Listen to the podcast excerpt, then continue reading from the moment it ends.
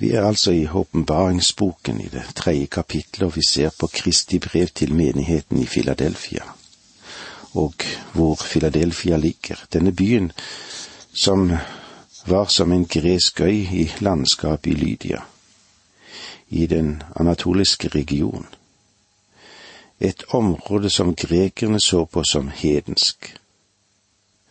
Det greske ordet var barbarisk. Faktisk så var det slik at alle som ikke var grekere, ble sett på som barbarer i denne tiden. Det lydiske språket ble tatt til her, og de brukte det til å begynne med. Men på apostlenes tid hadde det greske språk tatt over. Og dette var en typisk gresk koloni.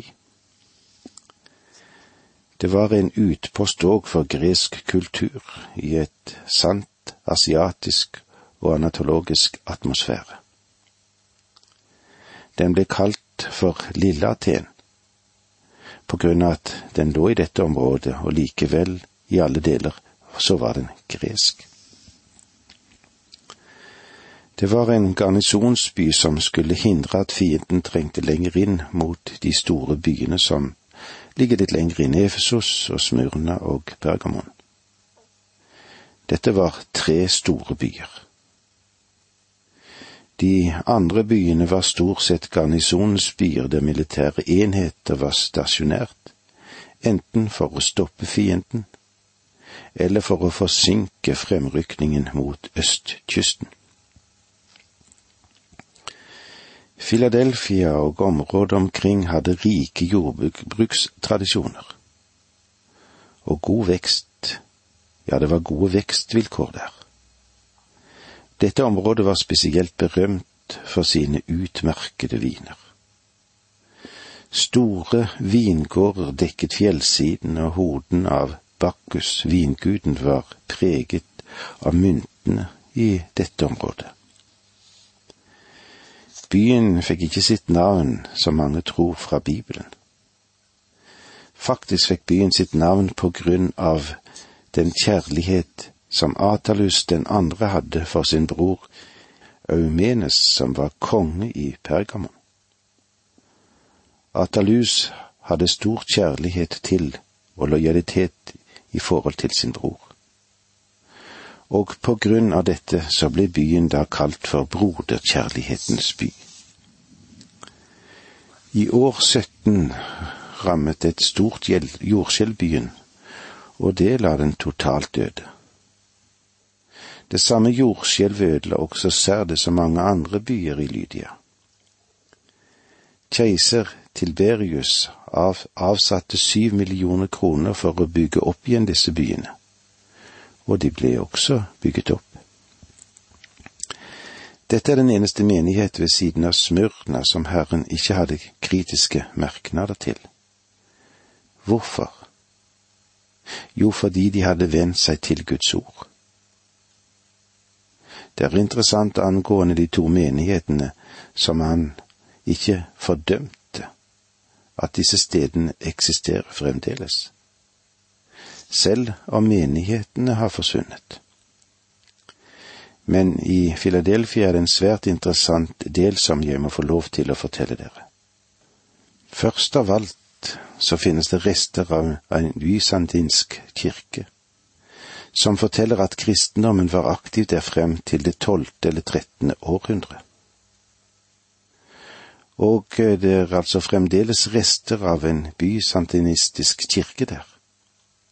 Men det er ikke den søyle som blir nevnt i vers tolv, som egentlig har en historisk bakgrunn. I Filadelfia var det et amfiteater, men det ble totalt ødelagt med unntak av én søyle, og det kan være den som det antydes til i vers tolv. Filadelfia er det stedet kristne og saraserene kjempet under korstogtiden. Og i 1922 var det kamper mellom tyrkere og grekere i Filadelfia. Det skal finnes en kristen gruppe her. men den er ganske anonym på grunn av faren for forfølgelse. Menigheten i Filadelfia fortsatte frem til det trettende århundre. Denne kirken lå i et strategisk område for å drive misjon, og det var faktisk det den gjorde. Jeg kaller den den gjenopplivede menighet fordi den vendte tilbake til Guds ord og begynte å forkynne Guds ord alle steder. I vers syv kapittel tre leser vi slik. Skriv til engelen for menigheten i Filadelfia. Dette sier den hellige og sannferdige, han som har Davids nøkkel, han som åpner så ingen kan stenge, og stenger så ingen kan åpne. Skriv til engelen for menigheten i Filadelfia. Engelen er den menneskelige budbærer, menighetens leder. Dette er Herrens måte å tale til alle menighetene på. Dette sier den hellige og sannferdige, han som har Davids nøkkel, han som åpner så ingen kan stenge, og stenger så ingen kan åpne. I hvert av disse budskapene til menigheten trekker Herren inn alltid noe fra synet av seg selv, og som den herliggjorte Kristus. Den store ypperste presten vår, som vi har i kapittel 1. Her minner han dem om at han er hellig. Han er hellig fra sin fødsel. Han var hellig ved sin død og han er hellig i dag når han står frems i sin overprestlige tjeneste. Han ble også kalt hellig ved sin fødsel da engelen sa til Maria. Derfor skal også barnet som blir født, være hellig og kalles Guds sønn, som det står i Lukas 1,35. Og i sin død var han hellig. Og det sier i Apostelens gjerninger kapittel 2 vers 27 for du skal ikke la min sjel bli i dødsriket, og ikke la din hellige gå til grunne. Han var hellig i sin død og i sin oppstandelse. Og det er egentlig en veldig ting om du tenker godt etter på dette. Han er også hellig i sin prestlige tjeneste i dag, som det står i Hebreerbrevet 7, 26. Ja, en slik øverste prest var det vi måtte ha, hellig, god og ren, skilt ut fra synder og opphøyd over himlene. Den sannferdige. I Johannes 14,6 sier dette til oss. Jeg er veien, sannheten og livet. Sannhet betyr ekthet og knyttet sammen med det fullkommen, fullkommenhet og det fullstendige. Moses ga oss ikke det sanne brød. Kristus er det sanne brød. Det kan du se i Johannes 6, 32-35. Han som har Davids nøkkel. Dette er forskjellig fra nøkkelen til døden og dødsriket som vi møtte i åpenbaringen 1.18. Dette taler om hans rettmessige krav som hersker over universet. Han skal være stor og kalles den høyeste sønn. Herren Gud skal gi ham hans fars Davids trone, og han skal være konge over Jakobs ett til evig tid. Det skal ikke være ende på hans kongedømme, som det står i Lukas 1, 32, 33. Han vil sitte på Davids trone under tusenårsriket. Men i dag sitter han som hersker ved sin fars høyre hånd og venter på at hans fiender skal bli lagt som skammel under hans føtter. Han som åpner så ingen kan stenge, og stenger som ingen kan åpne. Dette forteller oss at han behersker situasjonen, og ingen har makt til å gå ham imot, og det er en trøst for oss. Og med disse ordene sier vi takk for nå, må Gud være med deg. Dette undervisningsprogrammet består av to deler. Åge Nevland fortsetter nå med andre del av dagens undervisning. Vi er i Johannes' åpenbaring i det tredje kapitlet, og vi er nå innom Filadelfia-menigheten. Det er eh, et område som er viktig for oss nåtidsmennesker å være klar over hva Gud har å si oss og gi oss i brevene som blir sendt til menighetene til de syv menighetene. Og nå er det altså Filadelfia. Vi leser i vers syv og åtte. Skriv til engelen for menigheten i Filadelfia. Dette sier den hellige og sannferdige, han som har Davids nøkkel, han som åpner så ingen kan stenge, og stenger så ingen kan åpne. Jeg vet om dine gjerninger Se, jeg har satt foran deg en åpnet dør, som ingen kan stenge. For du har liten kraft, og likevel har du holdt fast ved mitt ord, og ikke fornektet mitt navn. Menigheten i Filadelfia var den som var tro mot Guds ord. I dag, eller i våre dager, så representerer den alle de menigheter over hele verden uansett med hvilken merkelapp de nevnes med. De som forblir tro mot Guds ord. Herren roser menigheten i Filadelfia på syv punkter. Det første er Jeg vet om dine gjerninger. Den Herre Jesus ser etter frykter. Han ser etter gjerninger i den troendes liv for av nåde er dere frelst ved tro. Det er ikke deres eget verk, men Guds gave. Det hviler ikke på gjerninger for at ingen skal rose seg. For vi er Hans verk, skapt i Kristus Jesus til gode gjerninger som Gud på forhånd har lagt ferdig for at vi skulle gå inn i dem, som det står i Fesebrevet 2.8-10. Det er noe galt ved din tro om den ikke skaper gjerninger. Den gamle apostelen Jakob var en bønnsmann, praktisk og rett på sak. Han sa det slik i det andre kapitlet, vers 18. Vis meg din tro uten gjerninger, og jeg skal vise deg min tro ved mine gjerninger. Gjerninger er ikke lovens gjerninger, men troens gjerninger. Frelsende tro setter meg i funksjon. Det andre vi har i dette verset er, se, jeg har satt foran deg en åpnet dør som ingen kan stenge. Dette kan være en dør inn til Herrens glede, eller til skriftkunnskap.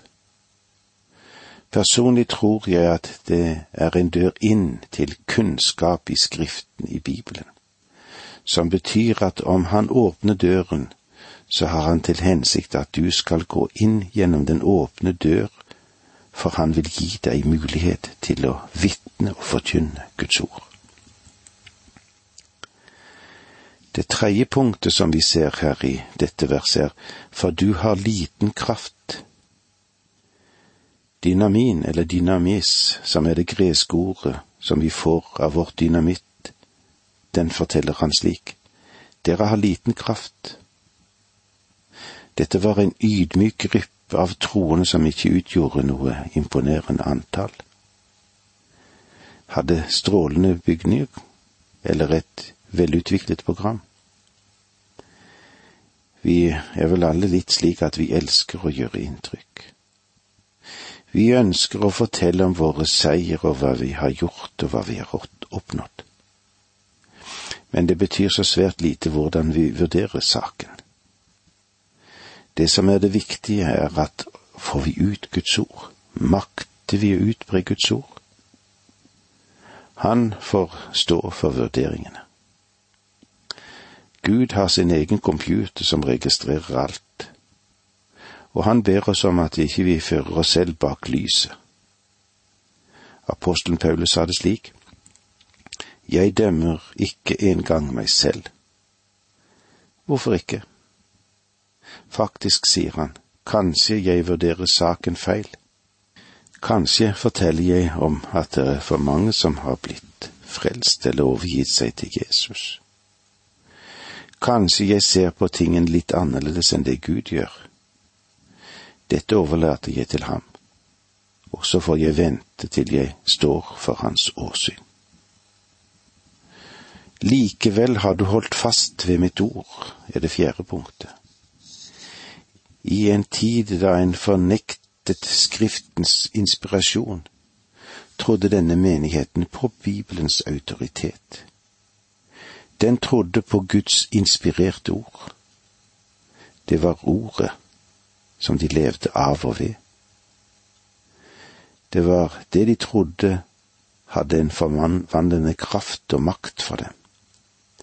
Det var dette som var livets budskap, og det er det fremdeles. Ikke fornektet mitt navn. I en tid når Kristi guddom blir klart fornektet både på seminarer og i prekestoler og hva det måtte være, så har vi her en gruppe troende som har forblitt tro mot ham ved å forkynne gudmennesket og hans stedfortredende død for syndere. Denne menigheten i Filadelfia har fått mange merkelapper festet på seg og ved seg. Noen har kalt den for misjonsmenighet. Noen har kalt den for den tjenende menighet. Andre har kalt den igjen for den levende menighet. Og alt dette er jo sant. Eller skal vi kalle den, slik som jeg har tenkt da, den gjenopplivede menighet, eller den bibeltroende menighet? Det er den Herre Jesus som understreker dette. Du har tatt vare på mitt ord, og ikke fornektet mitt navn. I en tid av vantro og skepsisisme anbefaler den Herre Jesus denne menighet fordi den har bevart ordet hans. Dette er den menigheten som har formidlet Guds ord videre. Så langt vi vet varte denne menigheten lenger enn noen av de øvrige menighetene som er nevnt her. Ja, helt frem til det trettende århundre hadde den en kontinuerlig virksomhet. Den ble knust av Seljuks tyrkere, som overfalt dem og brutalt tok livet av alle de troende som var tilbake i menigheten. Det var også en misjonsmenighet. Det synes å være ganske godt belagt at kristendommen kom så tidlig til India som den gjorde på grunn av at denne menigheten hadde sendt ut misjonærer. Vers 9 Se, jeg skal la noen komme fra Satans synagoge, av dem som lyver og sier de er jøder og ikke er det. De skal komme og kaste seg ned for dine føtter, og de skal forstå at jeg har elsket deg. Den rest av Israel som var blitt frelst, hadde forlatt synagogen på denne tiden. De hadde forlatt loven som et middel til frelse og helliggjørelse. De som fortsatte i synagogen, levde i et overfladisk forhold til sin religion. Paulus sa dette klart, som vi ser det i Romerbrevet 9,6. For ikke alle israelitter tilhører virkelig Israel. De var ikke lenger sanne jøder. Han så på de sanne israelitter som dem som hadde vendt seg til Kristus. Ignatius henviser til en lokal situasjon der noen som har, var omvendt fra jødedommen, forkynte den tro de en gang hadde foraktet. La meg òg få legge til at de romerske myndighetene de brukte ofte jøder for å føre frem koloniseringen. De sendte en stor gruppe til et visst område. Slik gjorde de også her i Filadelfia og det er årsaken til at det var så mange jøder her. Og så har vi det sjette punktet av de syv som jeg vil legge frem. De skal komme og kaste seg ned for dine føtter, og de skal forstå at jeg har elsket deg. Den Herre Jesus sier her at han vil få de fiender Filadelfia-menigheten nå har, til å bli overbevist om at han elsker denne menigheten. Vers 10. Fordi du har tatt vare på mitt ord om å holde ut, vil jeg bevare det gjennom den tid av prøvelse som skal komme over hele verden for å prøve dem som bor på jorden. Det siste anerkjennende ord er at denne menigheten bevarte Kristi ord i tålmodighet. Dette synes å være en tålmodig venting på at Kristus skulle komme for å hente sine egne. Fordi du har tatt vare på mitt ord om å holde ut. Jeg tror at Gud fremdeles er tålmodig med den verden som har vraket Hans ord. Han ønsker at alle skal få del i den samme rikdommen som det du og jeg har fått. Det var eh, det vi fikk med oss i dag. Takk for nå må Gud være med deg.